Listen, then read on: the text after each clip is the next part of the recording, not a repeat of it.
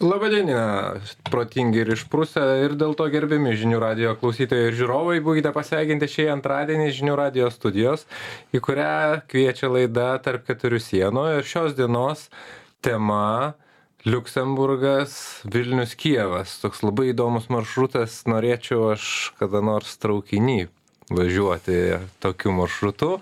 Ir apie tai šiandien pasikalbėsim su investuotoju Irmantu Škeriu. Labadiena, Irmantai. Sveiki, gyvi.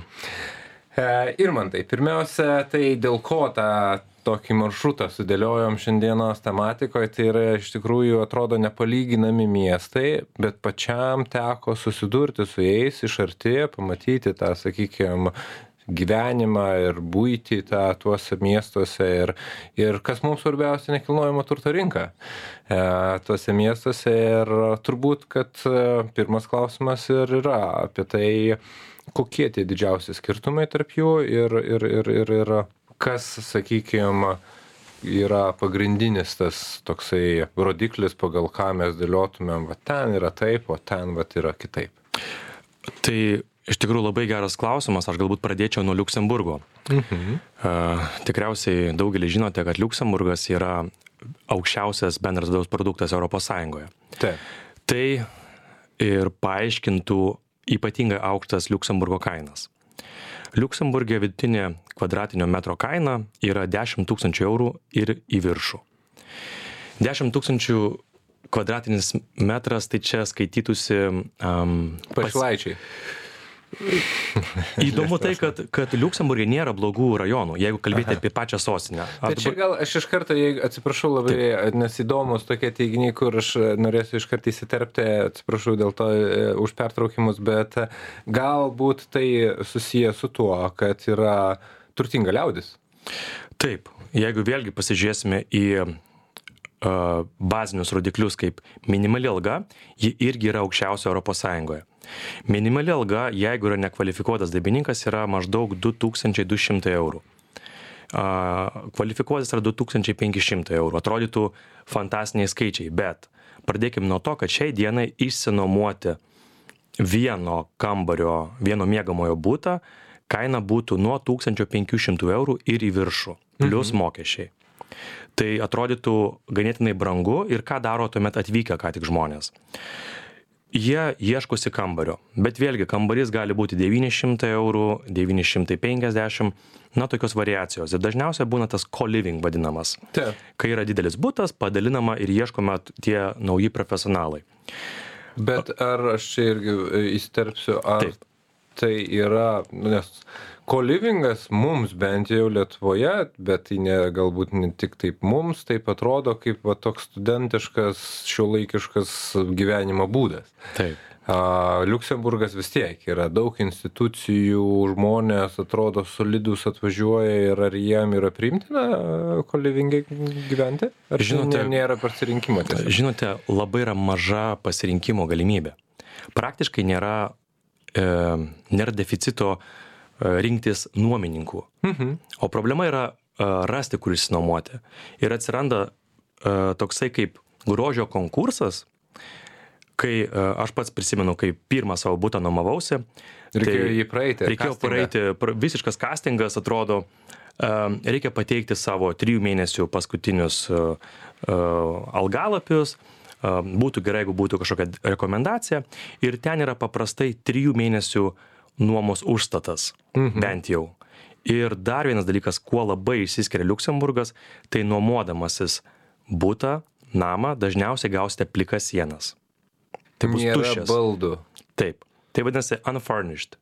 Mhm. Nes jie galvoja, kad tu ateidamas į būtą, tu atsiveši savo daiktus, tai dažniausiai būna perkasi iš Ikėjos, apsistato arba kažkokia tai padėvėti. Ir aš kur po to juos dėti, jeigu tu grįžti atgal, nes vėlgi tai yra dažn, dažno darbuotojo tenai, kaip ir aš kažkiek truputėlį lyginu su Briuseliu kad tai yra nuterminuotos e, darbo sutartys tiesiog. Yra kažkokiam konkrečiam laikui jisai baigėsi važiuoju namo Taip, ir tuomet, kai, tuomet kai, kai renkiesi būtą, būna parašyta nuomos kaina ir e, tas kuris žmogus išnuomoja sako aš galėčiau parduoti savo ankstesnio naudojimosi daiktus kurie būtent ir yra metų dviejų senumo Hmm. tai vadinasi jūs galite Antrinė rinka tokia. antrinė susidaro. rinka tokia taip taip arba kiti rašo išnuomosiu jeigu nupirksi tuos daiktus. Ir Su sąlyga su sąlyga taip papildoma sąlyga. Supratau, supratau, čia būna su parkavimo vietom Vilniuje, taip, tai tenai su baldais. Gerai, tai e, aišku, nu, Luksemburgas iš, iš tiesų jis toks gaunasi pasiūlos ir paklausos santykis išsikreipia, paklausa yra daug didesnė turbūt negu pasiūla. Ir kiek man teko girdėti, kad kai kurie netgi dėl aukštų kainų ir dėl e, labai aukštų e, būtent nekilnojamo turto kainų ir šiaip pragyvenimas yra daug brangesnis negu gretimai esančioje Vokietijoje ir tiesiog važinėja. Taip, tai yra arba važiuoja į Prancūziją, arba į Belgiją, bet atsiranda toks niuansas, kad reikia kiekvieną dieną važiuoti apie valandą arba stovėti kamščiuose. Mhm. Atsiranda kiti, kiti niuansai. Ir ką dauguma daro, tarkim, jaunų specialistų, tai jie susikaupia vis dėlto kaip nors ir jie gauna, nusiperka tą, gauna paskolą. Liuksemburgė yra didžiulis, m, aišku, trūkumas tų statomų naujų namų, bet yra valstybės parama, kur tu gauni socialinį būstą, kuris yra parduodamas net iki 30 procentų žemesnė rinkos kaina. Tu esi įsipareigojęs 10 metų ten pragyventi, bet tu tuomet gauni būstą ir tu gali gyventi, gali kurtis. Bet čia gal labiau yra vietiniam gyventojam. Ir tinka ir atvykėliams, kurie turi ilgalaikius kontraktus, jau yra pragyvenę porą metų. Ir dar, vat, kas įdomu dėl mokestinės bazės, jeigu lyginti su Lietuva, Lietuvoje reikia išlaikyti būstą bent 10 metų, 10 metų, taip. norint parduoti ir nemokėti valstybė Taip. mokesčių. Liuksemburgė yra 2 metai. Nu, prašau. Reikia patarti, kad čia mes ne, ne, ne, tie, kurie neišlaiko 10 metų, nebūtinai spekuliantai. Taip, per 2 metus tikriausiai žmogui Na, per du metus tikriausiai daug ir pasikeičia gyvenime, gali būti ar tai šeimos, ar susitokia, Taip, ar, taip, taip. ar išsiskiria. Ir aš dar pasakyčiau, kad Luksemburgė susisiekimas yra labai geras viešojo transporto praktiškai visur. Ir tarkim, jeigu norėjo kažkada žmonės taupyti, tai pirkdavo ne pačiam miestė, ne pačioj sostiniai, pirkdavosi, tarkim, šiauriai, kur, kur nutiesus, e, sustabdžius, tiesiog padarius vieną tokią papildomą stotelę, gaunasi jūs patenkate į tą patį hubą, kur yra visos darbo vietos. Tai tarkim, ar važiuoti e, iš Vokietijos valandą laiko automobiliu ar pusę valandos traukiniu ir vis dar gyventi Luksemburgė, tai dažniausiai žmonės renkasi Luksemburgą, dažnai per, perka žmonės neturintys pinigų, tai jie perkasi seną namą, e, jį prisikelia ir netgi būdavo tokių e, kurioziškų istorijų, kad paprasti žmonės atvažiavę, dažniausiai tai yra portugalai, imigrantai, italai, atvažiavę prieš 30 metų dirbti paprasčiausius darbus - valytoja. Jinai atvažiavo, aišku, jinai negalėjo kažkur tai nusipirkti mieste, nusipirko apgriuvusį namelį ir šalia ten nusipirko kitą sklypą. Ir 30 metų prabėgus, ta moteris pasirodo, kad jinai tapo milionierė, nes kadangi nekilnojamas turtas taip pakilo, tokios kainos jinai pardavė ir jinai išvažiavo, nusipirko puikius namus Portugalijoje. Prašau, kokia sėkmės istorija. Kiek jums teko ten gyventi laiko? 15 metų. Supratau, tai jau nemaža patirtis. Jau. Taip, taip. Ir um, dar aš vat, prisiminiau uh, dėl, dėl tos mokestinės aplinkos Luksemburgė. Tai perkant pirmą būstą, uh, pas juos yra didžiulė parama. Tai yra, kadangi notaro šiaip uh, yra didelės, dideli mokesčiai, tai valstybė pirmą būstą perkant kompensuoja notaro, notaro mokestį. Ir jeigu nors ir, nors ir atlyginimas geras, Kuris yra kokio dydžio? Gal maždaug. nuo 20 tūkstančių turbūt, Netgi konkre, kon, ne procentais, o konkrečiom sumom, ne? E, Jie duoda, jeigu neklystų porai, jeigu yra šeima susituokusi, tai turi lengvatą 40 tūkstančių, vienišas žmogus yra 20 tūkstančių. Ir praktiškai panaudojama ta lengvata perkant. Bet čia tik notarinė mokesčio? Notarinis nekilnojamo turto mokestis Tokio dydžio. tuo metu, kai perki, taip. Mhm. Bet nusipirkus būstą yra kasmetinis, vad mes dabar Lietuvoje daug diskutuojame dėl nekilnojamo turto mokesčio. Taip. Tai aš galiu pasakyti kaip pavyzdį, jeigu būtų vertė, mokestinė vertė, šią dieną jį parduot kainuotų 600 tūkstančių eurų, jo e, kasmetinis mokestis valstybei, nekilnojamo turto mokestis yra 21 euras 80 centų. Liuksemburgė. Taip. Mhm. Kas, kas metai. Ir jisai nesikeičia bent 10 metų. Bet tai šiaip toks mokestis jisai atrodo dėl vaizdo tik tai. Nes... Bet jisai yra, jisai yra ir jisai simbolinis, bet sutikite, kad uh, negaila tokį mokėti, nes žinau, kad visi visi jį moka ir aš matau, kad... Gaila, aplinkui... negaila, bet jeigu reikia mokėti. Taip, tai, nu, taip, pradėkime nuo to, taip. Bet kai matome, kad aplinkui yra tvarkoma, uh, aišku, tos vis plytelės, gatvės, šalygatviai valomi. Tai... Bet kai žinai, ar iš tokio mokesčio kažką, kažką galima, vat man šitoj vietoj mes čia turėjom, tarp kitko, laidą Taip. tuo klausimu ir va, diskutavom, kad vat, jeigu tas mokestis bus vat, vis, visuotinis, visą apmokestinas nekilnojama turto, vat, kažkas panašaus, tai ar verta čia tiek diskutuoti laužyti ietis ir ten daryti tas sesijas ir taip toliau būtent dėl kad tai yra viso biudžeto bi biudžete visam valstybės ta prasme yra tokia maža dalis tiek mažai jinai nieko nekeičia iš principo o žmonės taip aršiai plėšosi marškinius dėl jo ir ten sako reikia kiti sako nereikia ir ir paskui tu suvedi kad nu ten turbūt kad net ir tiem patiem šaligatviam gal nelabai užtenka. Matot dar yra privalumas liuksemburgo kad tai yra mokestinės lengvatos šalis. Mhm. be abejo jie gauna ir pelno mokestį kuris ten yra derybų objektas sakykime. E, šalis atradusi savo, savo nišą, sakykime taip. E, būdami maži, aišku, jie turi nuostabius kaimynus Prancūziją, Vokietiją ir Belgiją. Pradėkime nuo to. Bet dauguma žmonių, kodėl vat, važiuoja dirbti ten, nes ten yra aukšt, aukštos pridėtinės vertės darbo vietos. Taip. Automatiškai e, ta aukšta kaina nuomos, būto pirkimo aukšta kaina nepalieka tiesiog kitos vilties, išeities, kaip tu turi sukurti aukštą produktą. Tikrai taip. E, važiuokim į mūsų e, galutinę stotelę. Tai Vilnių kažkiek praleisim, nes man atrodo apie Vilnių ir klausytojai daugiausia žino, labai smalsu išgirsti apie Kijevą. Ir kaip tenai vyksta nekilnojamo turto rinkos reikalai, ypatingai dabar, ypatingai šiandien ir, aps, ir apskritai jie vyksta. Žinokit, viskas vyksta, miestas gyvas, aišku, su su oro pavojais ir visa kita, bet galiu pasakyti, miestas gyvas, rinka, jeigu sakykime, kas man patiko, aš galiu pasakyti savo patirtį. Man patiko caro laikų namai, mhm. tai yra tos storos sienos, aukštos lubos, maždaug iki revoliucijos, tai yra 110-120 metų senumo namai, kurie savo, savo laiku buvo statomi kaip, uh, yra, pradėkime nuo to, kad Kijeve yra maždaug trijų klasių nekilnojamas turtas.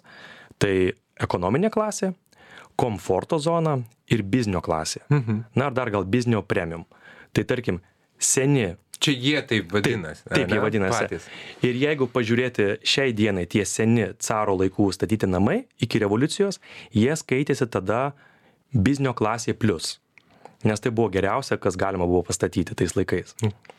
Įdomu. Ir, ir jeigu mes pasižiūrėsime, vat, truputėlį aš domėjausi su, su Vilniaus nekilnojamo turto rinka, nes man patinka ta graži architektūra, Vilnius irgi labai gražus, išskirtinis miestas, turintis tokių senovinių namų. Bet turbūt tenai yra daugiau. Ten yra tiesiog, net nežinau kaip čia palyginti, tiesiog miškas, kiek yra pasirinkimo įvairiausių istoriją menančių nuostabių statinių kurie realiai yra tokie gražūs, kad aš 2015 metais pirmą kartą apsilankiau Kyivę, aš tiesiog įsimylėjau tą miestą. O šiai dienai, e, vat, ar, sakykime, mes turim nekilnojamo turto Kijeve, jį galima parduoti iš principo, ar, ar, ar, ar nelabai? Kaip tenai apskritai visos transakcijos vyksta ir ta rinka, jinai, ar tokia tik tai vidaus vartojimui palikta? Šiai dienai aš sakyčiau, kad parduoti yra labai sudėtinga. E, pirma priežastis - tai pinigų apribojimas išvežti iš šalies. Nepadarysite pavedimo, reiškia, jums reikės vežtis grinuosius pinigus. Visi atsiskaitimai e, šalyje dabar vyksta grįvinomis. Mhm. Ką daro investuotojai? Jeigu jie parduoda būtą, jie parduoda, aišku, grivinomis, fiksuojamas dienos kursas ir tuomet eini į banką ir su banku gali susitarti už vieno procento, nuo vieno iki pusantro komisinių, kad a, tu galėsi pirkti, tiesiog keisi kasdieną tuos pinigus ir mėnesį laiko tu maždaug pasikeisi tą sumą. Tai tarkim, iki 100 tūkstančių eurų arba dolerių dar yra šioks toks judėjimas, į viršų praktiškai judėjimo nėra. Dolerių, kodėl? Jeigu pasižiūrėsime Kijevą šiandien, tai mano akimis yra Vilnius prieš 20 metų. Mhm. Dar kai mes nelabai gal pasitikėjome litu ir buvo įvertinama, čia tiek dolerių kainuoja, vis dar tas išlikęs. Supratau. O bet tai gal pats laikas ten pirkti dabar? Jūs labai gerą klausimą pasakėte, paklausėte. Kaip su kainom apskritai? Jos e, nuo invazijos pradžios, nuo tos e, nelemtos vasario 24. e, pakilo, nukrito, kiek žinau, pradžiai nukrito, paskui liktai su ES žinute jos pradėjo kilti ir klausimas, ar jos netgi nedidesnės negu buvo, buvo prieš invaziją. Labai geras klausimas ir aš pabandysiu jį atsakyti remiantis a, nekilnojamo turto agentų apklausa tokiam daryta. Mhm. A, Jeigu pasižiūrėsime a, aukščiausią piką, kainų pikas buvo iki pirmo karo, iki Krymo invazijos. 2.14. Taip, 2014 metų.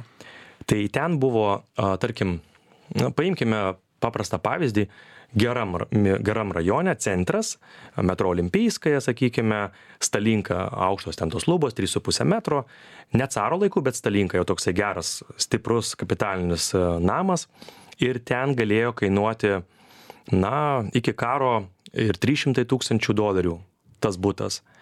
Ir po Maidano įvykių, po, po pirmo karo, e, kaina krito žvėriškai.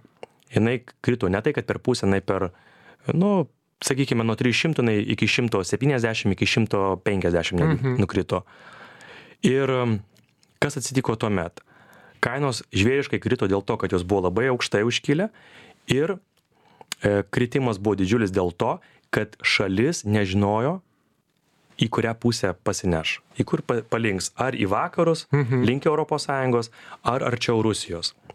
Ir šiai dienai, kai tik prasidėjo karas, buvo aišku sustabdyta visas pardavimas, nes neveikė registrų centras, neveikė notarai, viskas buvo absoliučiai sustabdyta, porą mėnesių nevyko joks gyvenimas.